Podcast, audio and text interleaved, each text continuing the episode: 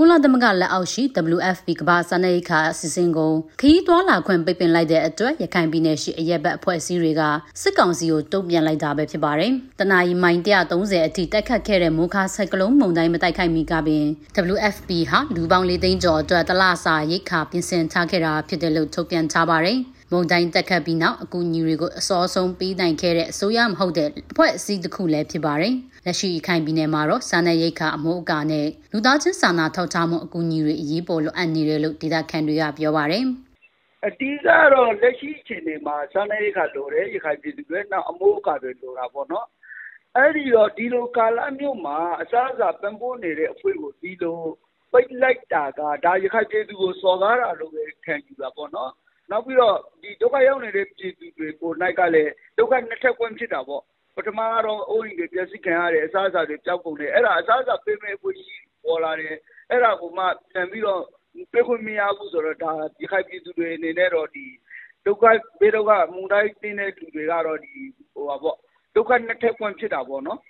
မုကမုံတိုင်းကြောင့်ရခိုင်ပြည်နယ်အပါအဝင်ပြည်သူ9.4တန်းလောက်တဘာဝဘေးအန္တရာယ်ထိခိုက်ခံစားခဲ့ရကြောင်းကုလသမဂ္ဂလူသားချင်းစာနာမှုဆိုင်ရာညီနိုင်ရေးယုံ UN OCHA မြန်မာကခန့်မှန်းထားပါတယ်။မုံတိုင်းကြောင့်ပျက်စီးသွားတဲ့အပြက်အစည်းတွေကိုပြန်လည်ပြင်ဆင်ဖို့ဒေသခံအများစုကအခက်အခဲရှိနေကြပြီးစားနပ်ရိက္ခာကလည်းနေရက်စာပဲကြန့်ရှိတော့တယ်လို့ဒေသခံတွေကိုကူညီကယ်ဆယ်ပေးနေတဲ့ရသေးတောင်မြို့နယ်ကဆရာတော်တပါးကမိန့်ပါတယ်။အာအများကြီးဒုက္ခရောက်ပါဗောတခါဒီမှကြီးအခု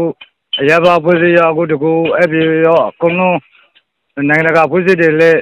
မကူညီဆိုတော့အခုဦးဇင်းတို့ဒေသလူမှုတိုက်တဲ့ခရတဲ့ပြည်သူတွေအတွက်ကတော့တအားကြီးဒုက္ခရောက်ရမှာအမောကမပြည့်စုံတဲ့သူတွေရှိသေးတယ်အဲအစားအစာနေထိုင်ကပါအစားခဲ့သိမို့အပြည့်စုံသေးတဲ့မရောက်တဲ့နေရာတွေကအများကြီးပဲအဲ့လိုအချိန်မှာအခုပြည်နေပြည်ကဟိုသူတို့ခရီးတော်လာခွင့်ကုညီခွင့်တော့ပိုက်လိုက်တယ်ဆိုတော့ပြည်သူတွေကတော့တအားကြီးဒုက္ခရောက်ရတကဘာကြီး ရခိုင်ပြည်နယ်ပြောခွင့်ရသူပြည်နယ်ဥပဒေချုပ်ဦးလာသိန်းကတော့ဒေသခံတွေကိုကူညီဖို့ဘယ်အဖွဲ့အစည်းကမှတားမြစ်တာမရှိဘူးလို့သူ့ရဲ့လူမှုကွန်ရက်စာမျက်နှာမှာရေးသားထားပါတယ်။မုခမုံတိုင်းကြောင့်ရခိုင်ပြည်နယ်ရှိနေအိမ်ပေါင်း2သိန်းနီးပါးတာတနိကအဆောက်အဦ2000နီးပါးစာတင်ကျောင်းပေါင်း1300ကျော်ကျန်းမာရေးအဆောက်အုံပေါင်း120ကျော်ဆက်သွယ်ရေးတာဝါတိုင်း17တိုင်း လေးစိတ်နှစ်ခုစရာတွေဖြစ်စီခဲ့တယ်လို့သိရပါတယ်။အပြက်အစည်းတွေများတဲ့အတွက်ပြန်လည်ထူထောင်ဖို့က9နှစ်လောက်ကြာမြင့်နိုင်မယ်လို့ခန့်မှန်းထားကြပြီးလက်ရှိအခြေအနေတွေအရနိုင်ငံတကာအကူအညီမပါဘဲနဲ့ပြန်လည်ထူထောင်ရေးလုပ်ငန်းတွေလုပ်ကင်ဖို့မဖြစ်နိုင်ဘူးလို့ရခိုင်ပြည်နယ်အခြေစိုက်လူမှုကူညီရေးအဖွဲ့အစည်းတွေကသုံးသပ်ကြပါတယ်။ကျွန်မဟနာပါ။